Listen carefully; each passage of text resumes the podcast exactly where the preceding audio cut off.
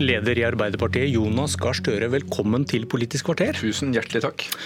Arbeiderpartiets landsmøte åpner i dag, det er derfor du er her. Eh, og skal vi tro deg, så er det starten på et generaloppgjør med borgerlig politikk.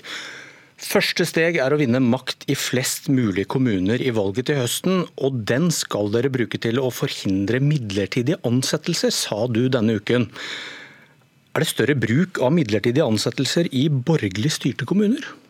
Det jeg vet, I mange av våre kommuner så har de ikke brukt den muligheten som det blå flertallet på Stortinget har gitt dem, nemlig generell adgang til midlertidige ansettelser. Mange av våre kommuner sier at det bruker ikke vi. Vi ansetter på faste stillinger, og vi bestreber oss på å få hele stillinger. Og nettopp, Da blir spørsmålet er det større bruk av midlertidige ansettelser i borgerlig styrte kommuner? Jeg har ikke regnet på det, jeg har bare fulgt med nøye på de kommunene som vi har. Det interessante med det, denne loven, som ble vedtatt med den største protesten fra samlet fagbevegelse i nyere tid, i 2015, eh, den prøver jo nå regjeringen å si at det har ikke blitt så veldig mye mer midlertidighet. Det må jo være et nederlag for dem, for det var jo en mening med at denne loven skulle få folk utenfor arbeid inn i arbeid.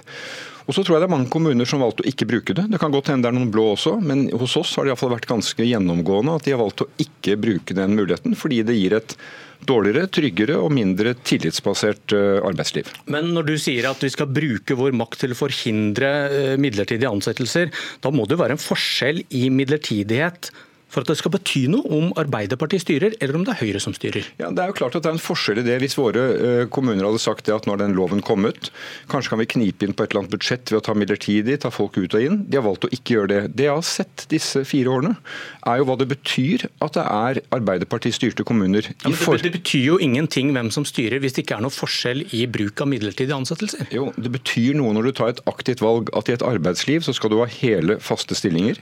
Du skal bekjempe innleie du skal bruke innkjøpsmakten slik at du kan få orden i arbeidslivet, slik vi nå har fått disse fire årene. Nå har vi fått begreper som Skiensmodellen som skyldes at man der nede i Telemark har vedtatt at man bruker innkjøpsmakten til å stille krav når man uh, kjøper inn fra det offentlige. Oslo-modellen. Oslo er en stor innkjøper, utdanningsbygg, omsorgsbygg. Og de kan stille krav til antall lærlinger, at det skal være heltid, at det skal være oversikt over de som uh, jobber der. Så det betyr noe, og jeg mener det har vært ganske løfterikt at politikk som er gjennomført i Stortinget, og som jeg mener er negativ for folk, den kan i noen grad, jeg mener noen grad, derfor må vi se mot 2021 også, den kan bekjempes på kommunalt nivå. Fafo, som har forsket på dette, svarer at det finnes ikke kunnskap om forskjell på blå og røde kommuner og bruk av midlertidighet. Og de har da også sett på om kommunene har benyttet seg av denne utvidede muligheten til å ansette midlertidig. Og den er svært lite brukt, som du også var inne på. Men igjen, hvis, hvis, det da ikke er noen forskjell på blå og røde kommuner, så betyr det ikke noe om det er Arbeiderpartiet som styrer for om man kjemper mot midlertidighet. Jeg sa forleden dag at vi har fått et arbeidsliv der midlertidighet og innleie florerer. Det fikk Anniken Hauglie til å si at jeg lyver. Jeg hva, tenker, hva, mener at, si, hva, mener du med at midlertidighet florerer? Nei, nå skal jeg si jeg sa eh, Midlertidighet og innleie florerer. La meg forklare. Når en statsråd anklager opposisjonen for løgn, så er min erfaring at hun ofte er ute på litt tynn is. Det vi ser i arbeidslivet nå er midlertidighet i noen bransjer. Så har vi innleie som vokser i mange bransjer. og Da kan du få inn folk på 5% på 10% Du har en omsorgssektor hvor vi nå har en rettssak hvor folk tas inn med dårlige kontrakter, ikke feriepenger, ikke pensjon, ikke overtidsbetaling. Dette er et fenomen med et useriøst arbeidsliv. og Jeg vil oppsummere det ved å si at ja, mer midlertidighet, mer innleie. Og vi har forsøkt å foreslå lovgivning på det. Vi har fått til med KrF i, i fjor en innskjerping på dette med innleie. Det kalte Erna Solberg for sitt største politiske politiske nederlag i fjor. Og nå har vi en regjering som overhodet ikke følger opp om de reglene finnes. Så dette med et useriøst arbeidsliv med ikke hele faste stillinger, det skjer der ute. Regjeringen følger det ikke opp, og det er alvorlig. Men nå sa du det igjen, det er mer midlertidighet, sa du. Faktisk.no har sjekket dette. Under rød-grønn regjering var andelen midlertidig i snitt på 8,8% Under Erna Solberg 8,3% Så dette florerte da litt mer da dere styrte. Men Det er ikke hele bildet for et useriøst arbeidsliv vi ser der ute. Men da kan du ikke si at midlertidighet florerer? Nei, men Jeg sa midlertid og innleie. Det er mitt okay. sitat. Midlertid og innleie. Og la meg bare si at Det må jo være et nederlag for regjeringen når den innfører en generell lov for midlertidige ansettelser. Jeg husker de sto og sa da kunne folk utenfor arbeidslivet komme inn i arbeidslivet, kunne bruke litt mer midlertidighet. Hvis ikke det er brukt, så viser jo det at det er et dårlig virkemiddel. Og der ute i kommunene hvor vi styrer, iallfall det er det jeg følger med på, der er det ikke tatt i bruk. Men det Anniken Hauglie og regjeringen må gjøre, er å se hele bildet. Reis rundt og se på verftene langt, vest, langt Vestlandet. De seriøse ansetter skikkelig. Postkasseselskaper driver med innleie. Reis til omsorgssektoren i mange kommuner. Der ser du kontrakter som ikke skal være i norsk arbeidsliv. og Det er det fenomenet vi vil til livs. og jeg tror det blir et viktig tema på vårt landsmøte. Men når du ikke aner om det er noen forskjell på blå og røde kommuner i bruk av midlertidighet, så kan det jo minne om det man ofte kaller en stråmann, der du argumenterer mot et problem som kanskje ikke finnes en virkelighet der borgerlige kommuner har mer midlertidighet. Nei, nå snakket jeg om muligheten vi har i kommunene til å føre en politikk som bremser Stortingets politikk.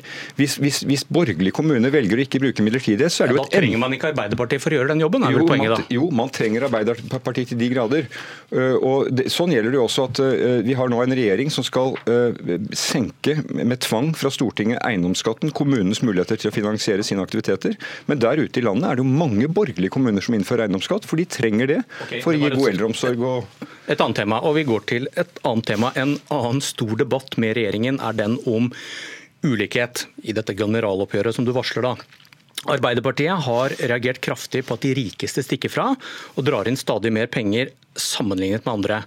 Og For å forhindre dette vil du øke formuesskatten, trekke tilbake de milliardene regjeringen har gitt i skattelette ved å øke prosentsatsen fra 0,85 til 1,1. Og hvor mange milliarder ekstra får du da? Ja, Vi er vel der, i strøket på en sånn 8-9 milliarder, tenker jeg, som samlet eh, har gått til de rikeste. Det er jo sånn at De 1000 rikeste i vårt land har fått halvannen million hver i lettelser gjennom denne skatten. Det er usosialt, og det tapper fellesskap for penger vi kan bruke til andre gode formål.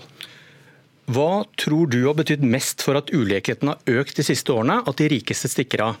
Lettelsen i formuesskatten, som du er mot, eller lettelsene i selskapsskatten, fra 28 til 23 prosentpoeng. Det er den skatten bedriftene betaler på sine overskudd. Lettelser som Arbeiderpartiet har stemt for. Ja, I forhold til eh, Det er jo selskapene, eh, altså bedriftenes beskatning. Eh, og jeg vil jo tro at For enkeltpersoner med midler, så er det formuesskatten som har størst betydning for enkeltpersoner. Og Nå har jo regjeringen satt ned selskapsskatten ytterligere 1% det er vi imot. Men det er også en ytterligere lettelse som går til de som eier. Jeg spurte ulikhetsforsker Rolf Aaberge ved Statistisk sentralbyrå, og han svarte lettelsene i selskapsskatten betyr mye mer enn formuesskatten. Vi har ikke gått inn for å sette den selskapsskatten uh, ytterligere ned. Nå, nå snakker ja. han om de siste årene. De rike har stukket fra. Dere, Arbeiderpartiet, har vært med på å senke selskapsskatten fra 28 til 23 prosentpoeng. Du sier at du tror formuesskatten betyr mest.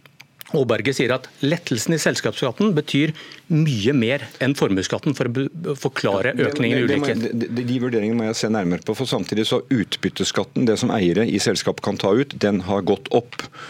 Uh, det... Aaberge vet selvfølgelig dette og tatt hensyn til både det og denne trinnskatten. Jo, men, men når vi satte selskapsskatten ned, så var jo det fordi at ikke et ønske om å sette ned skatten som sådan, men fordi at landene rundt oss hadde gjort det. Derfor så begynte vi i vår regjeringstid å si at dette må vi se på gjennom en grundig skattekommisjon for hva som skal til for at Norge har et skattesystem som kan fungere side om side med landene rundt oss. Da må du tåle ulikheten som kommer med på lasset, hvis du skal tro på Aaberge? da. Ja, det kommer ulikhet på, langs mange kanaler, og så vi, kan vi bekjempe dem på mange kanaler. Jeg tror ikke at vi bekjemper ulikheten ved å øke selskapsskatten i Norge, det som et, som et sentralt virkemiddel. Men, Men det, er, det, er, jo det som virker. Hvis du skal tro på Aaberge her, som sier at lettelsen i selskapsskatten betyr mye mer enn lettelsene i formuesskatten. Og når du da klager på økt ulikhet, at de rikeste sikrer av, da klager du på noe du selv er ansvarlig for. Jeg, vil se hel, helheten i det Aaberge der sier, for det, det, er ikke så blankt. Du har stått på han før. Ja, så, du har brukt han før. Men nå er han gjengitt av Bjørn Myklebust, som sitter med et spesielt blikk på meg her nå. Jeg vil gjerne se det. Men, men det har betydning, det også. Men hør nå. De forskjellene som skjer i Norge med at de rike stikker ifra, det er et internasjonalt fenomen. De forsterkes av regjeringens politikk i Norge. Det alvorlige er at tre av ti husholdninger i Norge de har mindre å bruke pengene sine på etter skatt igjen i 2013, de faller fra. Og Skal ulikhetene ned i Norge, så er det ikke bare snakk om å uh, ta de på toppen ned, men vi må løfte de som er nede, opp. Og Det handler om en mer omfordelende skattepolitikk som er mer rettferdig, hvor de som har mest både i formue og inntekt kan betale mer. Men det handler om store grep innenfor velferdsstaten, slik at vi sørger for at alle får de tilbudene som skal til for at du kan komme i jobb og gjøre, øh, få, få, et godt arbeidsliv. Og så handler det ikke minst, og dette handler om det første vi hadde i sendingen her nå, dette med arbeidslivet. De tre øh, av ti nederst de lever gjerne i deler av arbeidslivet hvor det er mer innleie, mer midlertidige stillinger, ikke hele stillinger, og hvor det er et svakt organisert arbeidsliv arbeidsliv. Dette er viktige ting å ta tak i, og veldig lite av det tar regjeringen tak i. og Derfor får vi disse store forskjellene. Men hvis det er riktig at selskapsskatten betyr mer, så virker det bedre på denne ulikheten at de rike stikker av og øker selskapsskatten enn å øke formuesskatten? Formuesskatten er det feil å senke. Vi har eh, holdt formuesskatten omtrent på det nivået vi hadde i 2013. Da vil du ikke gjøre noe med det som er den største driveren, da, ifølge ja, Statistisk sentralbyrå? Jeg, jeg, kjøper ikke at det er den største driveren, helt og slett. Ok, Da får vi vente på dokumentasjonen fra SSB. Eh, vi må snakke om helgens store sak på landsmøtet. Det ser ut som om det kan bli flertall for å frede Lofoten, Vesterålen og Senja for oljevirksomhet. Og Da vil saken være vunnet for de som ønsker vern. Flertallet på Stortinget for en konsekvensutredning er borte. Du kjemper mot vern og mener Arbeiderpartiet har et godt kompromiss der deler av havområdene utenfor Lofoten konsekvensutredes for oljeboring og deler vernes. Forbereder du deg på et tap i helgen? Jeg gjør egentlig ikke det. Altså, jeg, jeg, tenker at Et flertallsvedtak i Arbeiderpartiet det lever lederen godt med. Men hvis jeg kan bruke et minutt på hva dette handler om Men Dette er vel nytale. Hvis du kjemper Nei. for kompromisset og det blir vraket av landsmøtet, så går du på tap. Men hør nå. Vi har et partiprogram som vi gikk til velgerne med i 2017. Det hadde et, eh, et, et eh, forslag på dette området hvor vi sa to av områdene lar vi ligge. Det var nytt. Så verner vi Lofotodden. Og så begynner vi forsiktig med konsekvensutredning i de sørlige områdene som er nære der vi allerede er. Det mener jeg var et veldig godt forslag. Det kunne gått veldig skrittvis frem med mye større varsomhet og respekt for sårbarhet enn tidligere. Det skjer ikke. Så i denne perioden kommer det ikke til å skje, fordi Erna Solbergs regjering har satt stopper for at det skjer noe på dette området, som det har skjedd i de siste 20 årene. Så det vi nå snakker om, det er jo at eh, frem til 2021 så er det svært lite sannsynlig at det skjer. Vi har vårt forslag som ligger på bordet. Dette landsmøtet kommer sikkert til å diskutere hva som skal være retningen etter det. Hva er det framtiden skal være? Hvordan skal vi bevare sårbare områder, ta vare på det? Og så er det også et veldig uttrykk etter landsmøtet hvordan vi skal uttrykke oss om hvordan vi skal fortsatt ha en olje- og gassnæring. Vi skal utvikle, ikke avvikle den. Og Det er et like sterkt budskap rundt fra de årsmøtene vi har, som denne saken. Og Jeg tror vi skal finne gode balanser på det faktisk når vi setter oss ned og begynner å jobbe i ettermiddag. Du, hvor, mye, hvor mye olje er det ventet å finne i det området som dere verner i kompromisset deres? Ja, det er jo helt ukjent, for det er ikke gjort eh, konsekvensutredninger der. Nei, men Oljedirektoratet har noen anslag på at dere verner noe som ikke trenger vern. De tror ikke at det er noe olje der. Mens i det dere vil konsekvensutrede og muligens åpne i fremtiden, der ligger det masse olje. Ja, men eh, det har vært vårt forslag at vi da skal gjøre en forsiktig eh, vurdering der. Men jeg, la meg ta, hente opp noe men, som hva, hva sier du til dem som mener at dette viser at Arbeiderpartiet er miljø- og klimavennlige? Så lenge det ikke står i veien for, for uh, oljebransjen. Nei, det er helt feil. Vi tar det, det verner noe som ikke trenger vern. Nei, vi tar dette på, uh, på, si, på vitenskapelig uh, plan. Vi går frem område for område og kartlegger. Men vi skal ta hensyn til sårbarhet. Dette er et sårbart område. Det er andre næringer, det er fisken. Men la meg sitere Nordland Arbeiderparti, for de sier noe interessant. Nå har i 20 år dette, dette området blitt revet av denne debatten. Nå ønsker de fokus på alt det andre havet har og byr på utenfor der. Andre næringer, de tradisjonelle fiskerinæringene. Så tanken om vern, varig vern, sender jo et budskap om at du oppretter reservat. Der skal det ikke skje noen ting. Det skal skje masse i de havområdene.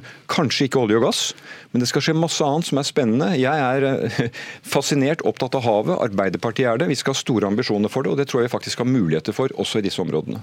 Men kan noe av det jeg prøvde å peke på her i stad, men hva dere verner og at det ikke er utsyn til å finne så mye olje der, har vært med på å mobilisere motstand mot dette? At folk ikke tror på kompromisset? Nei, det tror jeg ikke. fordi at eh, altså Et kompromiss som det er blitt presentert som, krever jo alltid at du må ta noen tankerunder på det. Eh, det samlet partiet, det samlet LO-kongressen. Eh, nå går vi inn mot et kommunevalg, og så skal vi ha stortingsvalg i 2021. Om ett år jobber vi med nytt program. Men eh, det vitner jo at vi tar i vårt demokrati disse diskusjonene om sårbare områder på alvor. Noen områder har vi ikke aktivitet på norsk sokkel, andre har vi. Det som er sant, er at i årene som kommer så skal utslipp ned. Det kommer til å etterspørres mindre, eh, mer, mindre olje, og vi må bygge ny industri. Det er hovedsakene her. Og det kommer min tale til å handle mye om. Hvordan vi kan sørge for at klimapolitikken og næringspolitikken for en gangs skyld trekker i samme retning. De er altfor lenge trukket i ulik retning. Og hva er klokka når du taler uten måtte svare på spørsmål. Jeg går på talerstolen uten manus klokka 13, og hvis du sitter i salen, så blir jeg lykkelig. Godt landsmøte, Jonas Gahr Støre.